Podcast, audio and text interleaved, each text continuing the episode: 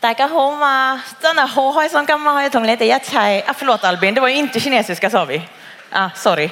Eh, hörni, kan vi inte bara ge en stor applåd till våra tekniker, våra tolkar, våra kameramän, våra värdar, våra säkerhetsvakter. De som syns lite mindre, de som gör så otroligt mycket. Tack hörni. Fatta vilken trygghet det är att stå bakom och bara cueas in liksom. Nu, nu. Så. Winnie heter jag, jobbar som pastor med ansvar för ungdom och administration i Malmö pingstförsamling. Eh, ja, jag kommer ursprungligen från Halmstad. Och ja, har vi några hallänningar här? Ja, några. Och för den som undrar så kommer mina föräldrar från Hongkong. Så är du därifrån? Nej, jag är född och uppvuxen i Halmstad. Men ja, man vet aldrig när folk frågar, var är du ifrån? Ja, man vet aldrig. Eh, 33 år blir jag snart. Har varit gift med Kristoffer i snart fyra år. Han är bäst. Så sorry girls, jag har tagit honom. Fun fact. Alltså innan jag gifte mig så hette jag Poon i efternamn. Alltså Winnie Poon, alltså Winnie the Pooh. Eh, det var så jag brukar presentera mig för att hjälpa folk att komma ihåg mitt namn. Ni vet ju hur svårt det är att komma ihåg folks namn. Liksom. Eh, och självklart så tog min svåger, blivande svåger, ja, han är min svåger nu, så tog han ju det tillfället. Så han klädde ut mig till Nalle Puh i vår kombinerade svensexa möhippa och Kristoffer blev ju Kristoffer Robin. Eh, och det första vi fick göra var att åka hem till församlingens ordförande och slunga honung. Fantastiskt kul dag. Eh, hur som helst, torsdag nattmöte. Så härligt att få vara med er här. Tänk att vi får vara här. Tänk att vi får vara med. När Gud vill göra någonting här. Eh, ja, jag är så förväntansfull. Hoppas du är det. Eh, men jag tycker vi tar en bön. Jesus, oh, tack. Tack för vad du har för planer ikväll, Herre. Tack för vad du vill göra ikväll. Gud, jag ber att du ska förundra oss. Jag ber att du ska överraska oss. Jag ber att du ska komma nära framför allt och bara möta oss. Herre, visa att du är den levande guden. Visa att du har det levande ordet. Kom, Herre Jesus. I ditt namn vi ber. Amen. Kom och följ mig. Jesu enormt kända ord, särskilt under den här veckan har jag förstått. Eh, och hans ständiga inbjudan till mig och till dig att kom. Och. Har ni tänkt på det? Att konsekvensen av att följa någon eller något är att så småningom så börjar man liksom ta efter. Eh, jag märkte det bara nu i veckan. Jag hörde någon under ungdomshelgen, nu minns jag inte vem det var, som sa tjomme. Och det satte sig i mitt huvud så jag har gått runt och tänkt tjomme hela tiden och det är jättekonstigt. Eh, inte för att jag kanske följt den personen men ni vet det sätter sig. Men ni vet när man går på gruppträning så står ju instruktören där framme och peppar och gör massa grejer och så står man långt bak någonstans och försöker att kanske inte syna sin spegel. Eh, men försöka ändå få koll på instruktören och göra så gott man kan och försöka följa efter, eller hur? För att man vill få ut så mycket som möjligt av träningen. Eh, eller när man köpt hem den där, det där platta paketet från Ikea eh, och, förhoppningsvis försöker följa instruktionerna och kolla liksom på bild efter bild efter bild eller typ legobyggsatsen vad ni nu jobbar med. Och till slut så får man ju hoppas då att man inte har glömt en bit eh, för när man väl sätter sig så vill man ju att stolen ska hålla. Liksom. Ehm, eller om det är så att du följer någon på Youtube eller på Twitch eller på vilken kanal du nu har och hänger på. Eh, eller du följer en tv-serie och oavsett vi vill det eller inte så börjar vi liksom tänka som dem. Vi börjar uttrycka oss som dem. Vi börjar prata som dem. Vi börjar liksom, vad det nu var. Eh, jag, jag, hade en period när jag var väldigt mycket inne i konspirations-tv-serier. Eh, det, det screw up my head. Eh, jag hade en annan fas när det var väldigt mycket chick flicks. Jag kan ju inte titta på en kille normalt liksom. Eh, alltså det man följer påverkar den. Eh, och är det inte så med lärjungaskap och att följa Jesus också. Egentligen. Alltså att om Jesus är den där instruktören som är framför eftersom vi ska följa honom. Liksom. Eh, och han gör massa saker, han säger massa saker, han peppar oss. Eh, försöker vi liksom hålla koll på vad han gör och härma det? Eller att Bibeln liksom steg för steg för steg målar upp en bild av, hörru det är detta Gud har tänkt för dig, för världen, för de andra. Och om du liksom steg för steg för steg gör det så kommer du upptäcka att inget i ditt liv saknas. Och du kommer upptäcka att ditt liv faktiskt håller när du sätter dig på det. Eh. Eller att regelbundet och frekvent, för jag har insett att regelbundet kan vara en gång per tionde år.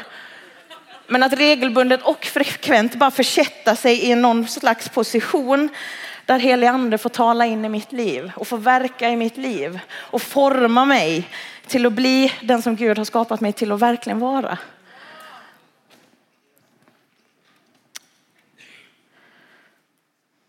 Att forma oss så att vi uttrycker oss på ett visst sätt, beter oss på ett visst sätt, tänker på ett visst sätt. Är det inte det som är att följa Jesus? Och att formas och bli mer lika honom. När man läser evangelierna så är det väldigt tydligt att Jesus bemöter människor på ett väldigt, väldigt speciellt sätt. Han möter sina medmänniskor på ett särskilt sätt. Och visst, han hade jättemånga människor som följde efter honom, lyssnade på hans undervisning, som kom och bara du kan du hela den här och kan du hela den här och så har vi 30 till där borta. Och det gjorde han ju. Till och från. Men något som var väldigt speciellt med Jesus var att när han mötte någon så var det personligt. Nu är det du och jag. Strunta i vad de andra säger, strunta i vad de andra tycker. Nu är det du och jag.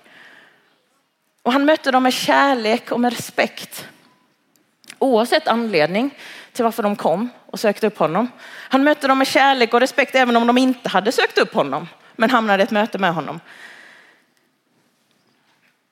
Det personliga mötet. Hur gör man då som Jesu efterföljare? Eh, och jag måste erkänna, eh, jag hade inte koll på vad efterföljare var förrän ganska sent när jag insåg att det är att följa efter Ganska logiskt egentligen, men, men eh, ja, nu vet ni det. Eh, men vad gör man då som Jesu efterföljare? För att inte bara leva för sig själv, utan att leva för andra, precis som Jesus gjorde. Att se andra som Jesus gjorde. I en värld när allt ska handla om mig, vad jag vill, vad jag tycker, vad jag föredrar, eh, allt som är så individuellt och individualistiskt och så jag-centrerat. Där det är viktigt vad, vad jag vill ge för bild av mig själv till andra. Eh, när Albin frågade innan, bara, Vinny hur ska jag presentera dig? Jag bara, du får inte nämna Nalle Puh för det ska jag göra. Eh, alltså, vad är det där egentligen? Hur bemöter vi människor på det sätt som Jesus mötte människor? Där det faktiskt handlar om dem och inte mig. Och där det faktiskt handlar om deras relation med Gud framför allt annat. Jag tänker att vi ska kika på två texter ikväll eh, som jag tror kan hjälpa oss med det. Och den första hittar vi i Lukas evangeliet kapitel 10. Det står så här. Sedan kom en laglärd fram för att pröva honom och frågade mästare, vad ska jag göra för att få evigt liv? Jesus sa till honom, vad står det skrivet i lagen? Hur läser du där? Han svarade, du ska älska Herren din Gud av hela ditt hjärta, av hela din själ, av hela din kraft, av hela ditt förstånd och din nästa som dig själv. Jesus sa till honom, du svarar rätt. Gör det så får du leva. Då ville mannen rättfärdiga sig och fråga Jesus, vem är då min nästa? Jesus svarade, en man var på väg från Jerusalem ner till Jeriko och råkade ut för rövare. De slet av honom kläderna och misshandlade honom. Och sedan försvann de och lämnade honom där, halvdöd. En präst råkade komma ner samma väg och när han fick se mannen gick han förbi. På samma sätt var det med en levit. Han kom till platsen, såg mannen och gick förbi. Men en samarier som var på resa kom också dit. Och när han såg mannen förbarmade han sig över honom. Han gick fram och hällde olja och vin i hans sår och förband dem. Sedan lyfte han upp honom på sin åsna, tog honom till ett värdshus och skötte om honom. Nästa dag tog han fram två denarer och gav till värdshusvärden och sa sköt om honom och kostade mer ska jag betala när jag kommer tillbaka. Vem av dessa tre tycker du var en nästa för mannen som råkade ut för rövare? Han svarade, den som visade barmhärtighet mot honom. Då sa Jesus till honom, gå du och gör som han. Oavsett anledning till att närma sig Jesus så mötte Jesus alltid folk med kärlek och respekt. Här har vi en laglärd, han som kan skrifterna, han som vet vad det står, vad Gud har sagt, vad de religiösa ledarna har sagt. Och han vill dubbelkolla. Jesus, du som går runt och undervisar folk, undervisar du rätt nu? Eller för du folk på villovägar? Bäst jag kollar. Hörru du, vad ska jag göra för att få evigt liv? Är inte det vår ständiga fråga egentligen? Vad ska jag göra för att få det där? Vad krävs det av mig för att få det här? Vad behöver jag göra? Vad behöver jag prestera? När allt beror på mig i ett individualistiskt samhälle. Det handlar ju bara om mig och vad jag kan ge eller vad jag kan få. Vad jag kan visa upp, vad jag kan prestera fram. Vad krävs det av mig för att få evigt liv? Och Jesus möter den laglärde utifrån vad han är. Vad den laglärde är. Ja, men du är laglärd. Du kan lagen, du kan skrifterna. Du har ju läst dem, du har ju tolkat dem, du har ju studerat dem. Vad säger de? Hur tolkar du skrifterna? Jo, men okej. Okay. Eh, svaret, kärleksbudet. Älska Gud med allt vad du bara är. Och så älska din nästa som dig själv. Den här laglärde vill visa att ja, men jag har förstått. Av allt som Gud säger att man ska göra så finns det två grejer som allt bara kokar ner till. Och det är att älska Gud och älska sin nästa. Bra, du kan ju det här, du har fattat grejen. Gör det då. Han kanske inte sa det så arrogant, men ni fattar grejen. Men så står det att mannen vill rättfärdiga sig själv. Han vill försvara sig själv. Varför då? Alltså, om du har fattat grejen att det handlar om att älska Gud. Han kanske kände att ja, men det är mellan mig och Gud, det fixar jag. Men att älska min nästa, alltså då måste jag ju ha att göra med andra människor som jag kanske inte tycker om. Eller som inte är som mig. Kanske det finns ett kryphål. Hörru du Jesus, vem är min nästa egentligen? Jesus är en mästare på liknelser och han är en mästare på plot twists. Vi har en man som blir totalt nedslagen, ligger där halvdöd. Nu kommer räddningen. Här kommer han. Prästen. Han kommer, han ser och han struntar totalt i honom.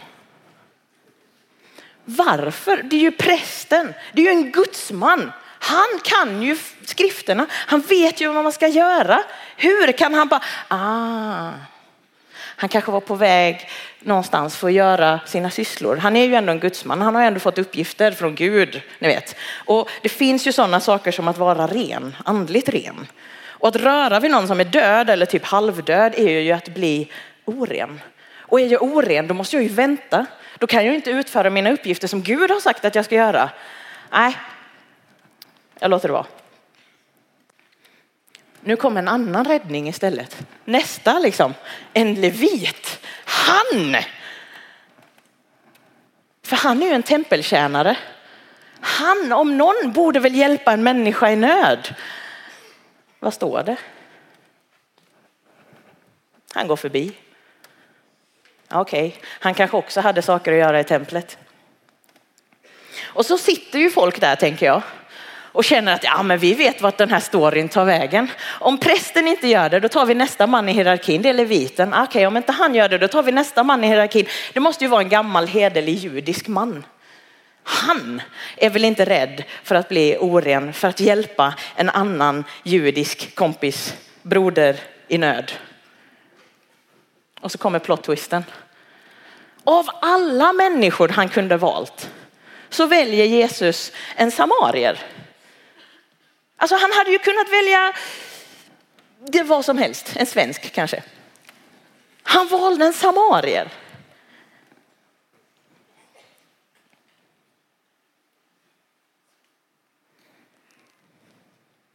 En som inte är rädd för att stanna upp och hjälpa. En som inte tänker på om det orenar mig eller inte. Det var en man. Men han var samarier. Samarierna var de man inte skulle ha att göra med. Samarierna var ju de som inte trodde som vi. De påstod att de trodde som vi. De påstod att de hade samma Gud. De påstod att de tillbad på rätt sätt. Men vi vet bättre, det gör de inte. Nej, de har fått det hela om bakfoten och samarierna det är de som är så här wannabe-judar. Det är ju de som säger att de kommer, de härstammar från samma folk, liksom. samma förfader Jakob. Men vi vet att de är beblandade med andra. Nej. Och ni vet, det kommer ju inget gott från samarierna. De gör ju ingenting gott. Nej, de ska man inte ha att göra med. Och så lyfter Jesus upp Samarien som den som gör det goda. Han lyfter upp Samarien som den som visar barmhärtighet, hjälper en annan människa som han egentligen ska borde fightas med. Hjälper den som är i nöd. Han som inte trodde rätt, som inte gjorde rätt, som inte var rätt, blev ett exempel på vad som är rätt. Är det det exemplet som vi som Jesu lärjungar borde följa? Att när vi ser en människa i nöd så hjälper vi till. Att våga stanna upp, våga drabbas av medlidande, våga se och hjälpa till. Ja, kanske. Men jag tror att det finns mer. För Jesus är inte klar. Han säger, vem av dessa tre tycker du var en nästa för mannen som råkade ut förövare? Har vi läst frågan ordentligt? Alltså vem är den halvdöde mannens nästa? Inte vem är Samariens nästa? Frågan var ju hur, vem är min nästa som jag ska älska? Jo, men om det är Samar, vem är Samariens nästa? Men då ska ju Samarien älska sin nästa. Fine.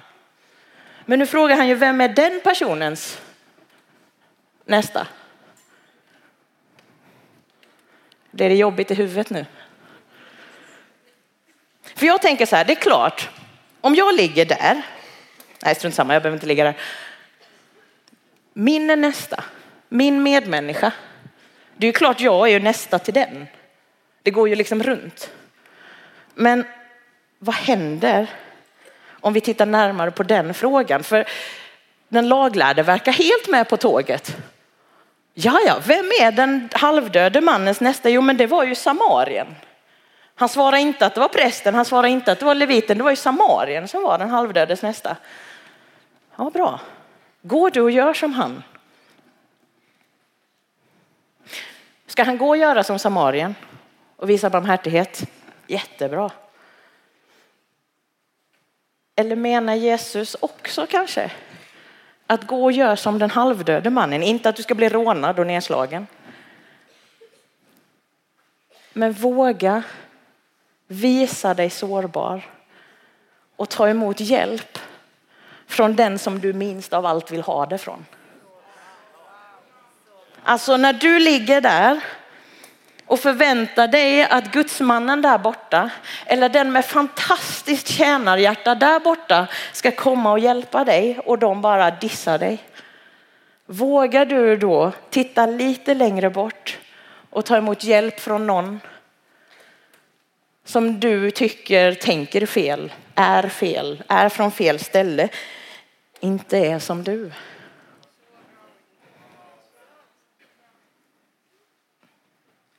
Jesus mötte den laglärde med kärlek och respekt. Han mötte frågan och han tog tid med honom.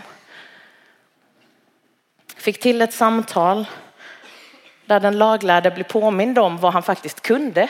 Jättebra, du kan ju det här. Och blev utmanad i, hörru, Det här behöver du tweaka lite på i ditt liv. Om du verkligen vill leva ett evigt liv. Det är jättebra att du förstår att du ska älska Gud med allt vad du är.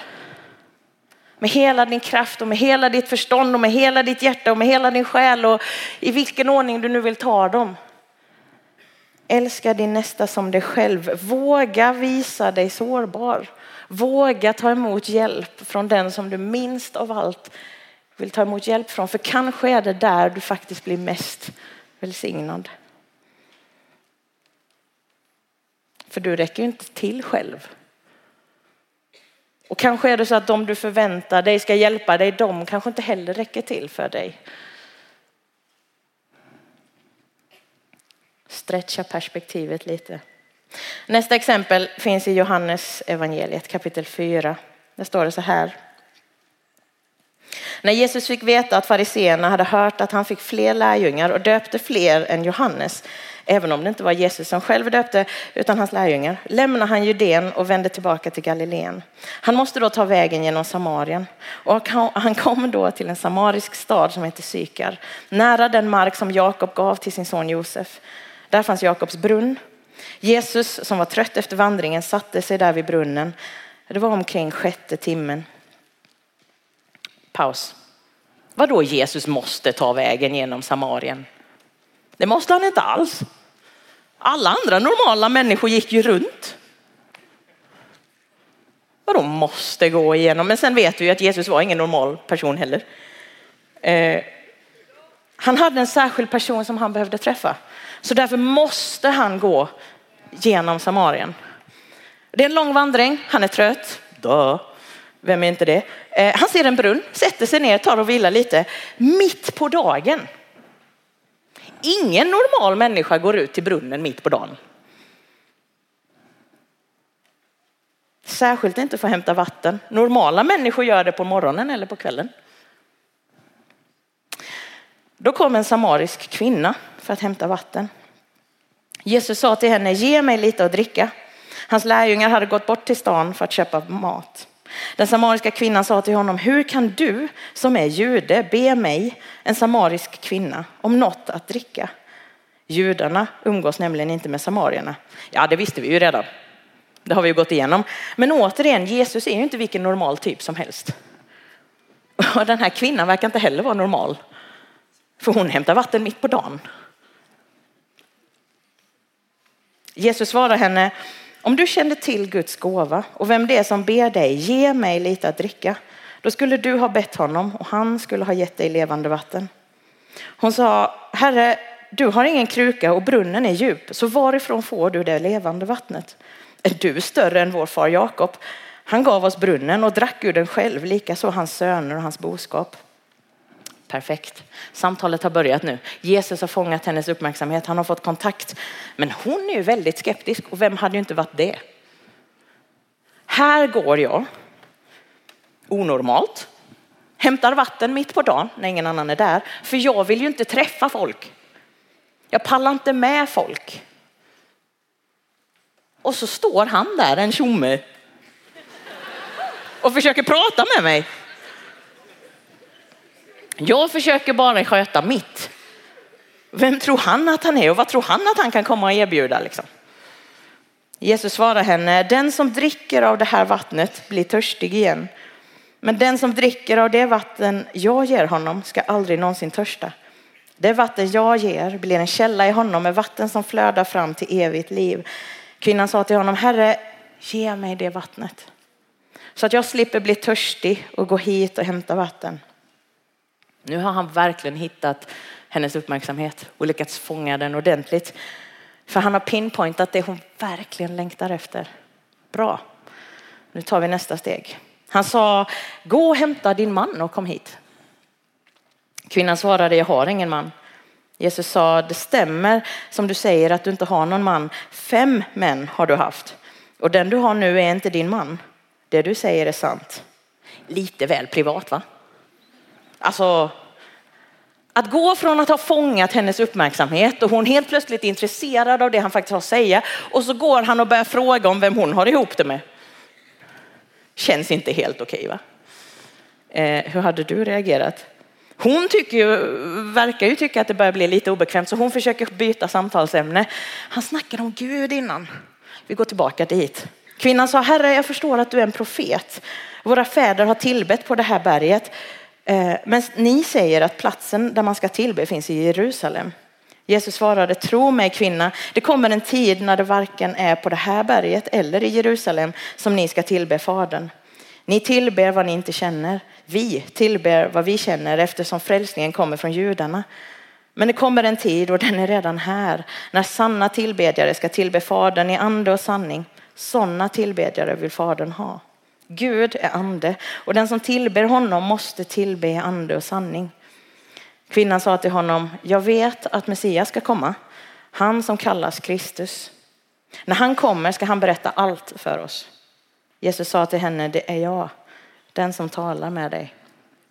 Alltså, åh vad han pladdrar på. Om mot berg hit och Jerusalem dit och vem som har rätt var. Hon skulle ju bara hämta lite vatten.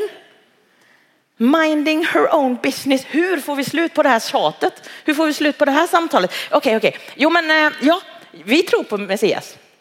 Jag känner till Messias. Han kommer komma. Och när han kommer, då, då kommer han lära oss allting. För han är den stora läraren. Han kommer berätta allt för oss och för mig och för mina vänner och för alla andra. Liksom, så att vi fattar grejen. Bra, jag har fattat grejen. Du behöver inte prata mer. Och så är det som att hon plockar upp sin kruka och börjar gå tillbaka. För hon skulle ju bara hämta vatten. Men så stannar hon. Vad sa han att han var? Menar han verkligen att han är Messias? Den som ska förklara allt. Hade inte han precis berättat massa saker om mig som jag inte har sagt? Han är inte ens härifrån. Hur kan han veta allt om mig? Kan det vara så att han är Just då kom hans lärjungar. De blev förvånade över att han talade med en kvinna. Men ingen frågade vad han ville henne eller varför han talade med henne. Kvinnan lämnade sin vattenkruka och gick in i staden och sa till folket kom så får ni se en man som har sagt mig allt jag har gjort. Han kanske är Messias. Då gick de ut ur stan och kom till honom. Vi hoppar några verser. Jesus snackar med sina lärjungar och så kan vi läsa det här att många samarier från den staden kom till tro på honom genom kvinnans ord. När hon vittnade, han har sagt mig allt jag har gjort. När samarierna kom till honom bad de att han skulle stanna kvar hos dem och han stannade där två dagar. Många fler kom till tro på grund av hans ord och de sa till kvinnan nu tror vi, inte bara på grund av vad du har sagt. Vi har själva hört och vi vet att han verkligen är världens frälsare. Folket trodde inte längre bara på vem Jesus var utifrån vad hon hade sagt, utifrån vem hon trodde att han var. Nu trodde de för att de själva hade bjudit in honom. De själva hade lyssnat på honom. De själva hade fått möta honom. Och de inser att han är inte bara Messias, läraren. Han är Messias, frälsaren. Det är så mycket större. Jesus levde inte för sig själv. Utan för andra människor. Han levde inte för att göra det som folk förväntade sig eller det folk tyckte eller det folk vanligtvis gjorde. Han gick ju genom Samarien när han kunde gått runt. Han levde för andra människor och för att andra människor skulle få hitta tillbaka till Gud. Därför behövde han gå genom Samarien. Jag kan bara tänka mig hans lärjungars förvirring. De har växt upp med att veta när du ska därifrån dit så går du så. Inte tvärtom, inte genom. Att behöva gå genom Samarien helt plötsligt när varenda fiber i kroppen säger nej. Och tänk då hur de känner när de ska in i stan och interagera med samarierna för att köpa bröd. Och tänk fasan över att Jesus tackar ja till inbjudan och stannar, då måste vi stanna här också. Har ni känt så någon gång? Att det du egentligen vill göra, det är ditåt. Men Gud tycker att nej, men nu kör vi hitåt. Det är onormalt, det är fruktansvärt obekvämt. Du måste interagera med folk du inte egentligen vill möta.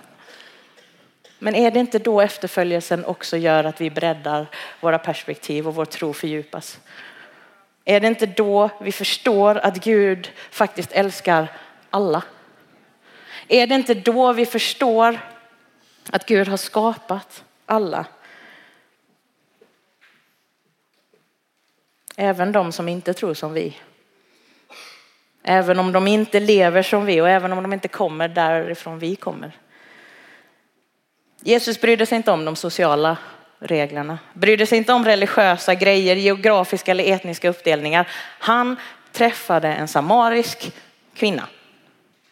Det gick emot allt. Hur kunde Jesus inte låta sig påverkas av alla borden, alla måsten, alla hur man skulle bete sig? Hur kunde Jesus se över allt det där och inte påverkas av vad som anses vara acceptabelt eller inte? Hade han ett större perspektiv, ett bredare perspektiv, ett högre perspektiv? Han mötte inte en samarier. Han mötte en unik individ. En särskild person. Det personliga mötet. Han mötte henne för att ytterst möta det djupare behovet som hon hade men som hon inte ville ge sken av att hon hade. Och han interagerade med henne på ett sätt som hon inte var van vid. Inte nog med att hon undvek folk genom att gå ut mitt på dagen för att hämta vatten. Hennes sätt att leva med så många olika män visar också på att det är någonting i hennes liv som inte är socialt accepterat. Och här blir hon uppstannad av en man som är intresserad av att möta henne där hon är utifrån hennes förutsättningar i den stunden för att möta hennes längtan, inte för att tillfredsställa sin egen. Kan vi lära oss att ha ett högre perspektiv? Att se på folk som Gud ser på dem. Att se att folk är unika individer och inte bara dra alla över en kam. Alla kineser äter ris. Min pappa gillar potatis. Alltså. Att förstå att vi kan inte döma ut någon bara för att de har en viss klädsel eller en viss hudfärg eller en viss läggning eller ett visst intresse. Kan vi förstå att de är unika individer som Gud älskar? Kan vi förstå att de är unika individer som Jesus har dött för?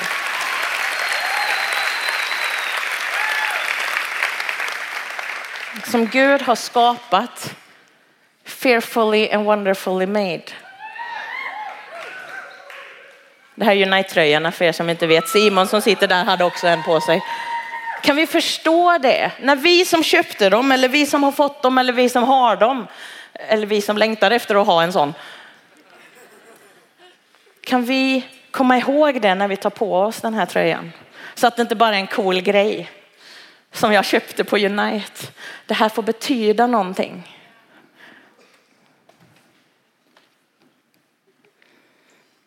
Kan vi komma ihåg att Gud faktiskt har skapat till och med han som Ja, du vet. Och att Jesus älskar henne som, ja du vet.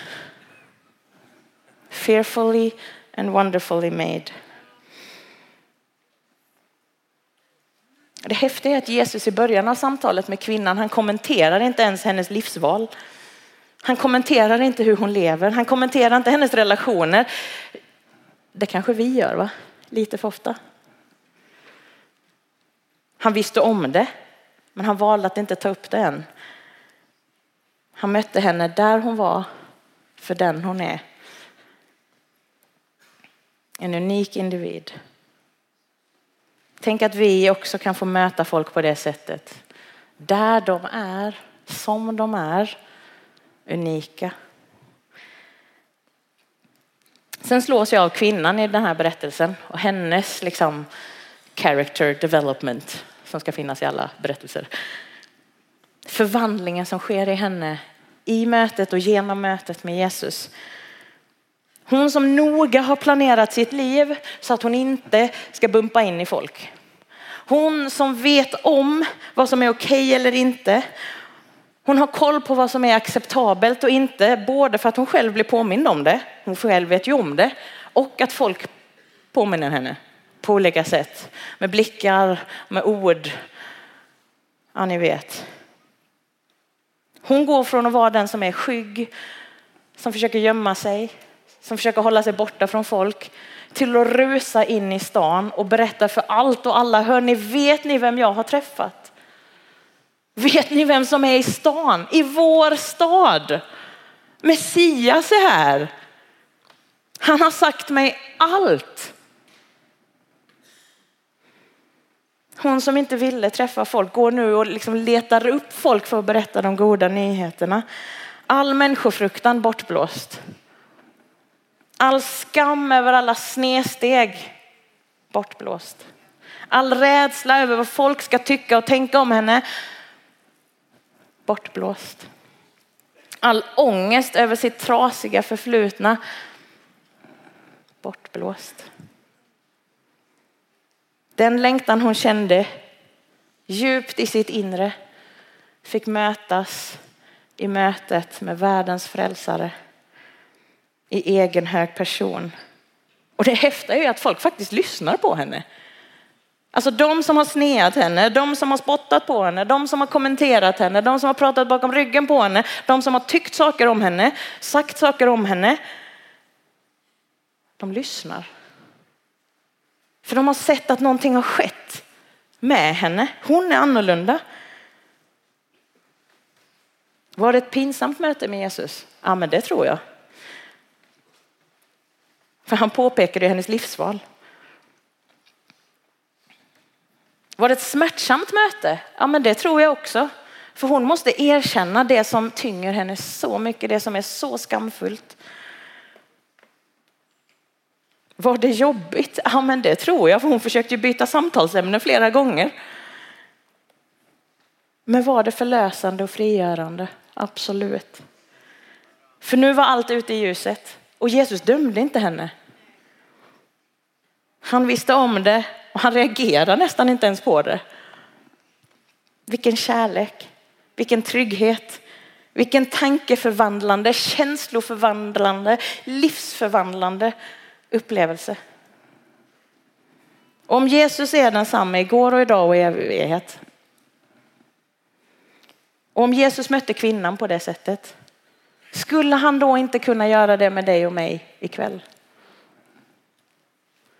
För om Jesus är Gud och Gud är så Gud som Gud kan vara som vi påstår att han är, då är väl inte det så omöjligt. Varför skulle han inte vilja möta just dig ikväll?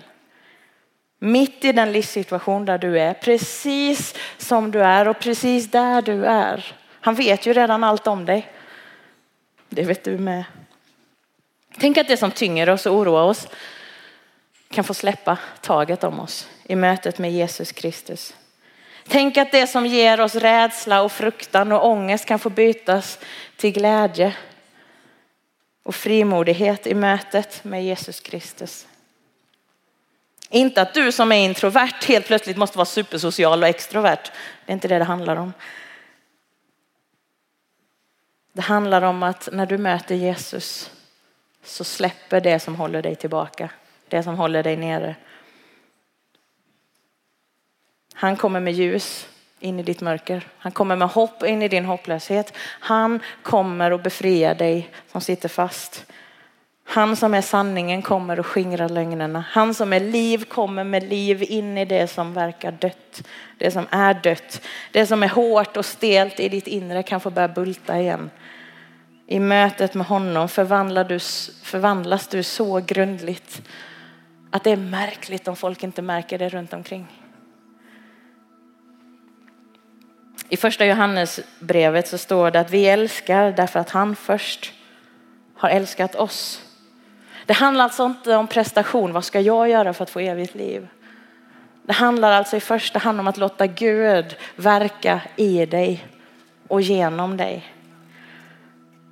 Att det handlar om att du ska komma in i det där mötet med Jesus och få ditt liv verkligen förvandlat. För när den kärleken får strömma dit så kommer den att strömma dit. Har du fått möta Jesus personligen ännu?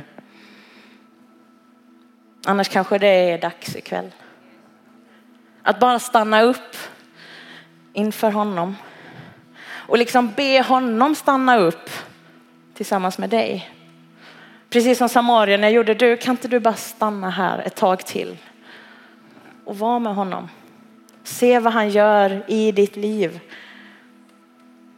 Kanske är det just ikväll du behöver vända dig till Jesus och bjuda in honom i ditt liv som Herre och frälsare för första gången och du kommer någonstans att bara känna alltså den där friden, den där glädjen som går djupare än vad jag trodde att det fanns i mig. Jag visste inte ens att det gick. Att det som tyngde dig släpper, att det är som att du kan andas igen. Har du fått möta Jesus personligen än? Annars kanske du ska göra som människorna i stan. Bjud in honom. Be honom stanna och upptäck att han inte bara är mästaren, läraren, Messias som kan allt, som vet allt. Han är världens frälsare, han är din personliga frälsare. Eller har du fått möta Jesus igen? Du vill minnas att du bjöd in honom i ditt liv någon gång för länge sedan och du är till och med döpt kanske för att du ville visa att jag, jag tror på Jesus, jag vill följa honom. Men i ärlighetens namn så var det länge sedan du fick det där nära mötet, det personliga mötet med Jesus. Kanske är det dags för dig ikväll att få det. Att återigen ställa dig där och bara okej okay, Jesus, här är jag. Do your thing.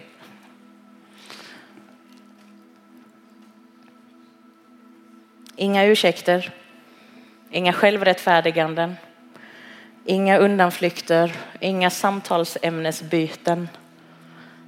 Nu är det du och jag Jesus som gäller. Här och nu ikväll. Om det är så älskade vänner, välkomna då Jesus att stanna upp. Bjud in honom i ditt liv. Och när Jesus sträcker ut sin inbjudan till dig, kom och följ mig. Ta då de stegen. Och följ. Rikta din blick bort från dig själv och se att runt omkring dig finns massa människor, massa nästa, massa medmänniskor som är värda att älska. Och inse också då att du är en av dem som är värd att bli älskad. Kan ni fatta vad som hade hänt om vi faktiskt började älska varandra? Älska därför att Jesus först har älskat oss. Jesus, tack för att du är här ikväll, för att du vill möta oss nära och personligt. Tack för det som du redan har påbörjat i så många av oss. Tack för det du kommer påbörja i så många fler. Jesus, tack för att vi får komma till dig för första gången eller för jag har glömt räkna gången. Jesus, hjälp oss att ta emot din kärlek. Låt den få genomsyra oss så grundligt att det påverkar vårt möte med andra människor. Att det får bli ett kärleksfullt sätt inte för att vi är så himla bra utan för att du verkar i oss och du verkar genom oss och din kärlek får flöda genom Herre. Låt det få påverka oss så grundligt att i mötet med andra människor så dras de närmare dig. I mötet med andra människor så förstår de vem du är. I mötet med andra människor så är det du Jesus som får bli ärad och upphöjd och känd. Jesus, hjälp oss att få bara reflektera dig. Utan att prestera någonting och bara vara, Herre. Att ta emot din kärlek för att älska vår nästa. I Jesu namn. Amen.